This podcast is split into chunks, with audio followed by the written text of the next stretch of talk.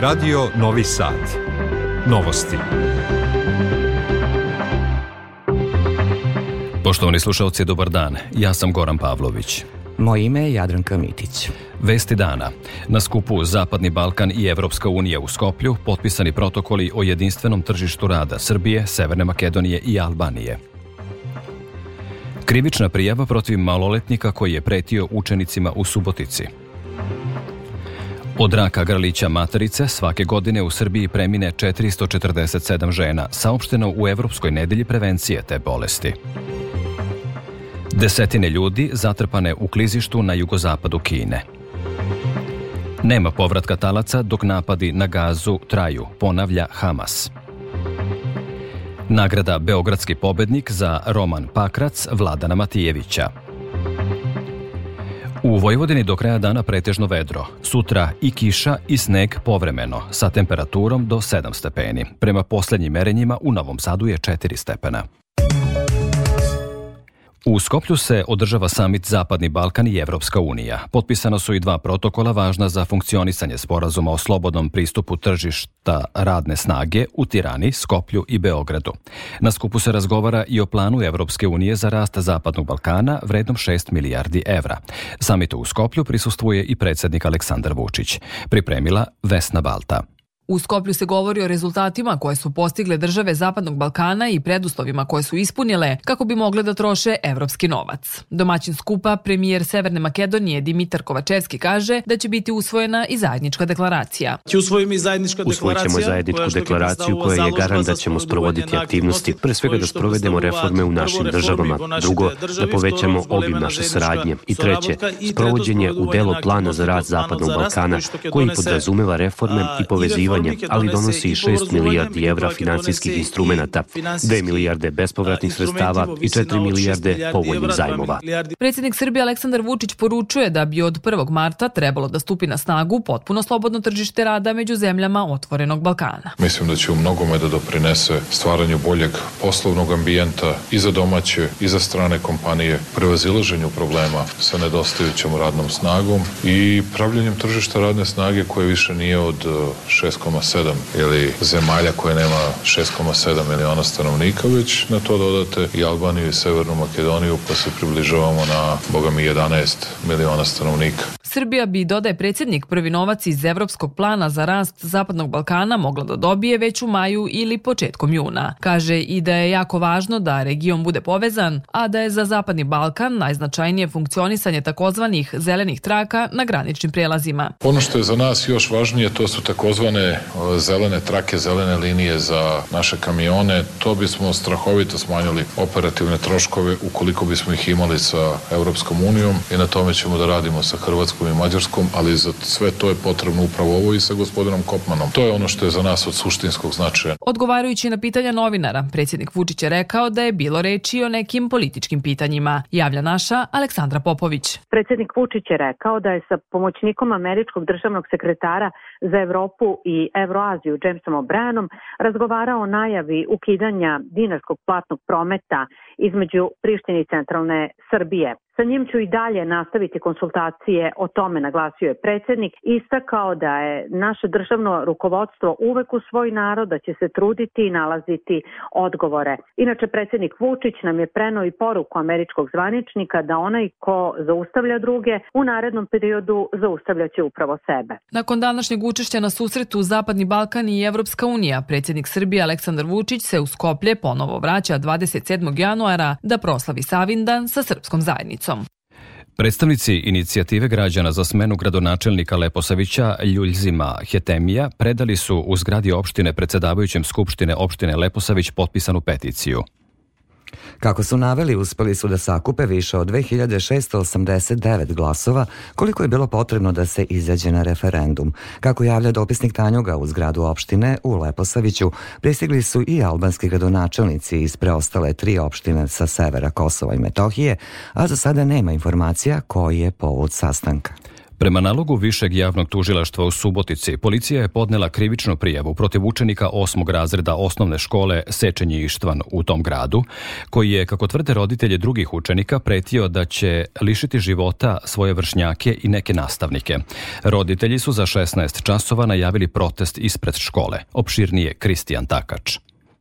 Direktorka škole Kristina Antal Dinčić nije želela da govori za radio televiziju Vojvodine, ali je potvrdila da je škola upoznata sa problemom, da je preduzela sve što je u njenoj moći i da su u ovom slučaju obavestili sve nadležne institucije. U pisanoj izjavi koju smo dobili škole se navodi. Škola je nakon saznanja dobijenog od učenika naše škole u vezi sa razgovorom koji je bio van škole i koji se odnosio na navodne pretnje, preduzela sve iz svoje nadležnosti. Odmah smo pristupili sakupljanju informacija i postupanju po pravilniku o protokolu postupanja u ustavu ustanovi u odgovoru na nasilje, zlostavljanje i zanemarivanje, te su naša saznanja prijavljena svim nadležnim organima u spoljašnjoj zaštitnoj mreži.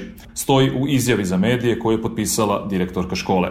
Pojedini roditelji su javnost o čitavoj situaciji u osnovnoj školi Seče obavestili putem društvenih mreža, navodeći da pomenut učenik od četvrtka preti da će pobiti ceo razred, razrednog starešinu i nastavnicu hemije. Nastavnica je tog dana, kako se navodi, čas držala iza zaključanih vrata, a pretnje su prijavljene policiji. Jedna majka je na društvenim mrežama napisala da je taj isti učenik napadao njeno dete uz iste takve pretnje već tri godine – Pretnje su svaki put prijavljivane školi, policiji i sve evidentirano u njegovom školskom dosijevu, ali to dete i dalje slobodno šeta ulicom, navela je ona. Mnogi roditelji, kako nezvanično saznajemo, danas nisu svoju decu doveli u školu. Na protestu, koji je najavljen za 16 časova, roditelji će zahtevati od nadležnih organa da se ponovo vrate školski policajci, da se nastavnicima vrate određena prava koje su nekad imali, kao što je udaljavanje učenika sa časa i izbacivanje učenika iz škole. U Hrvatskoj je počelo obeležavanje vojno-policijske akcije Maslenica, dok će u crkvi Svetog Marka u Beogradu biti služen parastos za stradale Srbe u Ravnim Kotarima i na Malom Alanu u januaru 1993. godine u zločinu za koji niko nije odgovarao. U akciji Maslenica poginulo ili nestalo više od 384 Srba, dok je njih 10.000 proterano sa ognjišta. Ubijene su i 34 žene i troje dece stare do 12 godina. U nastavku novosti vesti iz sveta. Od početka sukoba u Gazi ukupno je ubijeno 25.255 palestinaca, a njih oko 63.000 povređeno je u napadima izraelske vojske od 7. oktobra, saopšteno je iz Ministarstva zdravlja u Gazi. Žestoke borbe nastavljene su u Kan Yunisu. Izraelske odbrambene snage proširit će kopnenu ofanzivu u tom gradu na jugu pojasa Gaze, saopšteno je iz Ministarstva odbrane Izraela.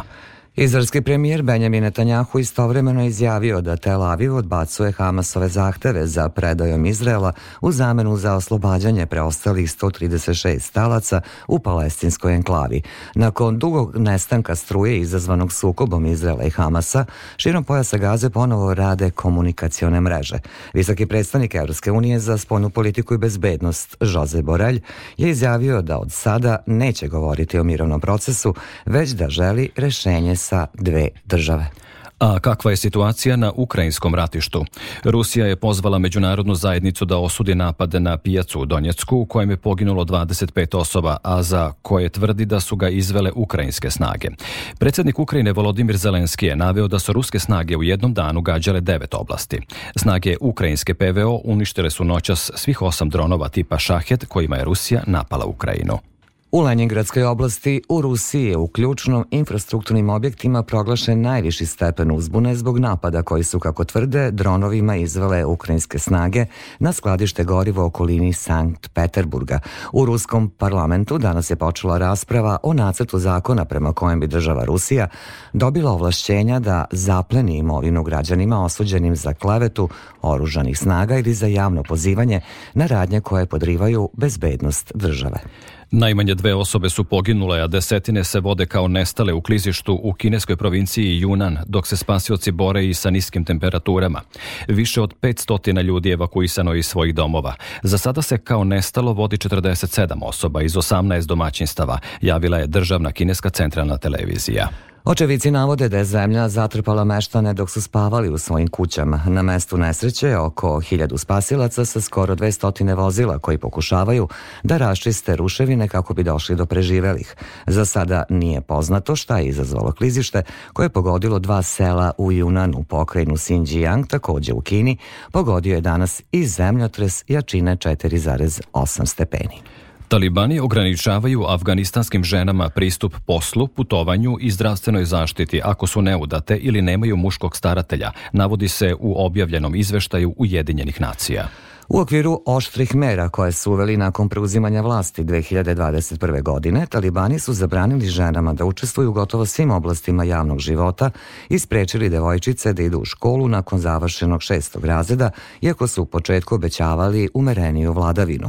U maju 2022. godine talibani su izdali dekret kojim pozivaju žene da pokažu samo oči i preporučuju im da nose burke od glave do pete. U nastavku novosti opet domaće aktuelnosti. Portal EPS-a u račun je nakon hakerskog napada ponovo dostupan korisnicima za preuzimanje e-računa i elektronsko plaćanje. Na portalu su dostupni računi za decembar 2023. kao i arhiva računa i uplata u prethodne tri godine uz detaljan pregled potrošnje po zonama i tarifama. Svi decembarski računi dostavljeni su i Pošti Srbije, a rok za popust za redovno plaćanje je 29. januar. Građanima je za reklamacije ponovo na usluzi i call centar EPS-a. U tom preduzeću napominju da digitalna pretnja ni u jednom trenutku nije ugrozila proces proizvodnje električne energije niti bezbednost podataka naših kupaca. Na poslednjim razgovorima premijerke Ane Brnabić sa poljoprivrednicima ponovo je pokrenuto pitanje osnivanje poljoprivredne komore. Ta institucija bi po ugledu na razvijene evropske ekonomije trebalo da zastupa interese proizvođača hrane. O tome Đorđe Simović. Ideja o osnivanju poljoprivredne komore prvi put je pokrenuta pre tri decenije. Često je pominjena u brojnim strategijama razvoja, ali ta institucija nikad nije osnovana. I sada predstavnici poljoprivrednika koji su bili na razgovorima u vladi Srbije su rezervisani prema osnivanju poljoprivredne komore. Mileta Slankamenac iz inicijative za opstanak poljoprivrednika Srbije misli da komora ne bi bila samostalna u radu. Zato što mi vidimo da kod nas u zemlji svata nezavisna tela nisu nezavisna tela i može da se napravi nezavisno telo u kojem neće ovaj, biti mešanje politike, što je kod nas u ovom momentu i u nekim ranijim godinama apsolutno nemoguće. Miroslav Matković iz Udruženja poljoprednih proizvođača Subotice se pribojava da bi osnivanjem komore njihovo udruženje izgubilo uticaj za koji se izborilo prošlogodišnjim protestima. Postoji e, bojaznost da bi udruženja izgubila, kad bi, ako bi se osnovala to, da bi udruženja izgubila kontakt direktno sa ministarstvom Agrani analitičar Milan Prostran jedan je od prvih zagovornika osnivanja Poljoprivredne komore. Kaže da bi benefiti za proizvođače hrane bili brojni. Komora a, bi se pre svega bavila stvaranjem ponude i traženja na domaćem inostranom tržištu, zatim bezbedi siguran i što povoljniji plasman svojih proizvoda. Komora bi trebalo da preduzima mere za što uspešnije i brže ostvarivanje ciljeva u oblasti transformacije porodičnih gazinstava u robne proizvođače. Iskustva iz Hrvatske pokazuju da poseban zakon uređuje rad Poljopredne komore. Jasno je definisana procedura izbora organa te institucije koji su ravnomerno zastupljeni iz svih županija. Poljoprednici su automatski članovi komore, ali to nameće obavezu plaćanja godišnje članarine od 10 evra. Evropska nedelja prevencije raka grlića materice obeležava se od danas do 28. januara nizom preventivnih pregleda širom Srbije. Prema podacima instituta dr. Milan Jovanović Batut, u Srbiji svake godine više od 1000 žena oboli od raka grlića materice, a život izgubi njih 447. Rečeno je na konferenciji gde je poručeno i da su redovni pregledi ključni kako bi se bolest otkrila na vreme. Opširnije Marko Brajković. Direktorka Batuta Verica Jovanović ukazala je da u Srbiji svakog dana tri žene obole od te bolesti, a da svakog dana jedna žena premine i naglasila da su primarna i sekundarna prevencija veoma važne. Zadatak svih nas je da pored primarne prevencije koja podrazumeva HPV vakcinaciju, promovišemo i približimo značaj ove vakcinacije roditeljima, jer je to ključna poruka, da znamo da se kao preporučena vakcinacija za vreme sistematskih pregleda kada se prima i vakcinacija protiv difterije i tetanusa u završnom razredu osnovnih škola može primiti upravo HPV HPV vakcina. Glavni uzročnik bolesti je humani papiloma virus, a prenosi se seksualnim putem. Vakcinacijom mogu biti obuhvaćeni muškarci, a vakcina je bezbedna – kaže Mirjana Štrbac iz Doma zdravlja Novi Sad. Da vakcina ima dovoljno i zaista nikakve neželjene efekte ne treba da očekuju, ali ovo je jedina vakcina koja je proglašena ekstremno bezbedno. Baš kažem, zbog tog više od 20 godina kliničkih ispitivanja pre nego što se počeo 2006. Sada vam je distribuirano u svetu više od 500 miliona ove vakcine. Dakle, ogroman broj dece, mladih u svetu je nikakve neželjene reakcije. Iz batuta saopštava upozoravaju da je vakcinacijom protiv humanog papilona virusa od juna 2022. godine do danas vakcinisano 31.309 dece, od kojih su 77% devojčice. Dodaju i da je potrebno povećati broj skrininga u domovima zdravlja širom zemlje. Na skupu na Uspenskom groblju u Novom Sadu u sklopu obeležavanja 82. godišnjice Novosadske racije, episkop Mohački Damaskin je rekao da se postavljanjem spomena obeležja promovišu istinski mir, pomirenje, razumevanje i poverenje među narodima, kako se zločini poput tog ne bi ponavljali ni u Bačkoj ni na drugim mestima. Na važnost negovanja kulture sećanja podsjetio je i gradonačelnik Novog Sada Milan Đurić. Okupatorske snage su vođenom pogubljenom ideologijom i zločinačkim umovima su bukvalno izbrisali porodice, izbrisali su i komšije ovde koji su živeli, to su suštini ulice kojima mi istokodnevno prolazimo i krećemo se kroz njih. Ostali su, eto, kažem, preživjeli potomci koji verovatno nisu, nikad nisu ni mogli da prežale tu tragediju koja se dogodila njihovim najbližim srodnicima. Mi kao grad ovo ne smemo nikada zaboravimo. Zbog sutrašnjeg obeležavanja godišnjice Novosadske racije određena je privremena izmena režima saobraćaja od 7 do 14 časova na delu parkirališta ispred mesne zajednice Sonja Marinković i parkirališta na keju žrtava racije od ulice Maksima Gorkog do trga Neznanog junaka. Takođe, privremeno će biti izmenjene i trase autobuskih linija 11A i 11B. Iz kulture, Vladan Matijević, pisac iz Čačka, treći je dobitnik nagrade Beogradski pobednik. Njegov roman Pakrac u izdanju Lagune žiri je proglasio najboljim u prošloj godini. Matijeviću sledi statueta pobednika, diploma i 10.000 evra u dinarskoj protivrednosti. Nagrada će mu biti uručena 30. januara u biblioteci grada Beograda, saopštili su iz te ustanove kulture. Iz Beograda se javlja Tatjana Novčić-Matijević. Roman Pakrac Vladana Matijevića izdvojio se majstorstvom pripovedanja, kojim je uspostavljena autentična i složena slika sveta. Udvojena ličnost glavnog junaka, okružena likovima sa margine i bombardovana vestima iz Crne hronike dovodi u vezu savremeni Beograd sa Pakracom s početka ratnih 90-ih.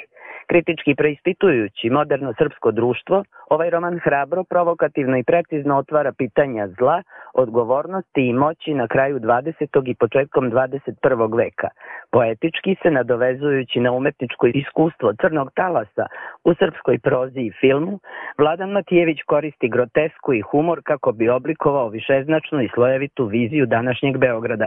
Tako je žiri obrazložio odluku. U najužem izboru bili su još i romani Maje Iskre, Vladimira Pištala, Filipa Grbića, Stevana Vraneša i Bojana Savića Ostojića. Za beogradskog pobednika inače konkurisalo je 122 ostvarenja. Vladan Matijević je izuzetno uspešan pripovedač. Dobitnik je svih značajnijih nagrada u srpskoj književnosti, a Roman Pakrat u najužoj konkurenciji i za Ninovu nagradu. Na godišnjoj konferenciji za medije, simbolično nazvanoj doručak sa Pajom i Clintom, rezimirani su rezultati rada u protekloj godini u kojoj je galerija obeležila 175 godina postojanja.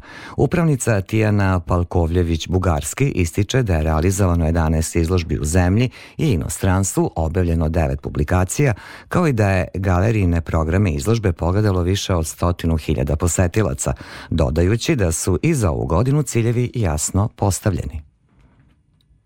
Mi smo završili rekonstrukciju izložbenih sala. 1. juna nas čeka nova stalna postavka, revizija kolekcije Galerije Matice Srpske, gostovanje muzeja naivne i marginalne umetnosti iz Jagodine, na jesen velika izložba o plemstvu, odnosno prezentaciji plemstva u srpskoj vizualnoj kulturi i imat ćemo gostujuće izložbe, to što smo ove godine imali Klimta, sledeće godine ćemo imati Muku, Studentkinja prve godine violine u klasi profesora Stefana Milenkovića, Lana Zorjan, dobitnica je najznačajnijeg priznanja klasične muzike na svetu, International Classical Music Award, Discovery Award 2024.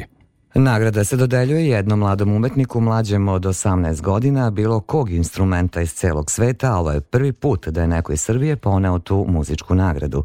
Žiri koji je odlučivao o nagradi sastavljen od muzičkih kritičara, predstavnika državnih medija iz 19 zemalja, a glasanje je bilo tajno.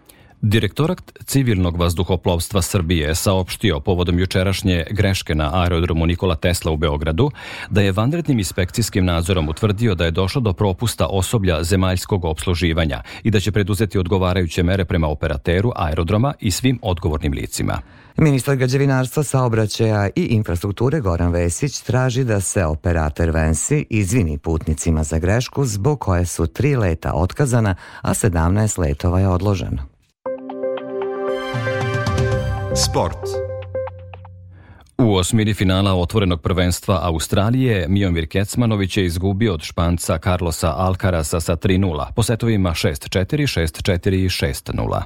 Košarkaši Partizana i Mege sastaju se u okviru 17. kola regionalne ABA lige. Utakmica u Štark areni počinje u 19 časova, a osim što ima takmičarski značaj, bit će odigrana i u čast nedavno preminulog košarkaša i trenera Dejana Milojevića.